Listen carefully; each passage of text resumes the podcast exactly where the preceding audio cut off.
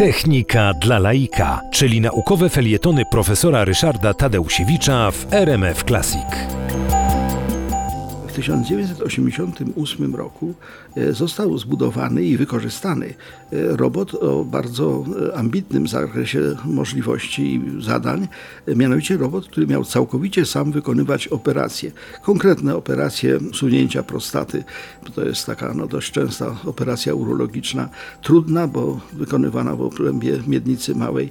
Tam precyzja robota miała bardzo duże znaczenie. Robot został wykonany jako prototyp w Imperial College w Londynie e, i był nazwany Probot. E, użył go dr Sentinel Nathan w Guy's St. Thomas Hospital w Londynie i pierwsza operacja się udała. E, okazało się, że e, probot może rzeczywiście wykonać operację zamiast człowieka.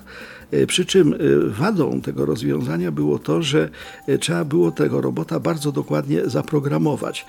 Tutaj twórcy tych, tego pierwszego działającego robota, który całkowicie sam wykonywał operacje, twórcy tego probota, mieli chęć naśladowania tego, co się dzieje z robotami w przemyśle.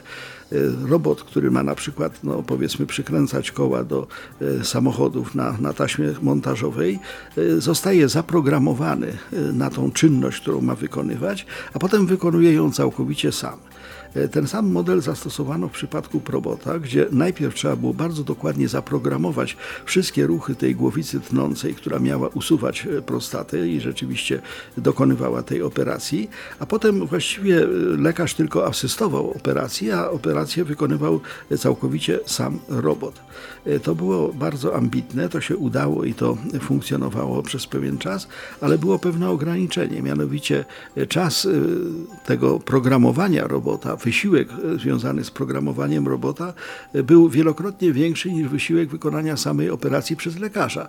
Dlatego, że no, każdy człowiek jest trochę inny, każdy, e, każda zmiana nowotworowa czy każdy narząd jest troszkę inny.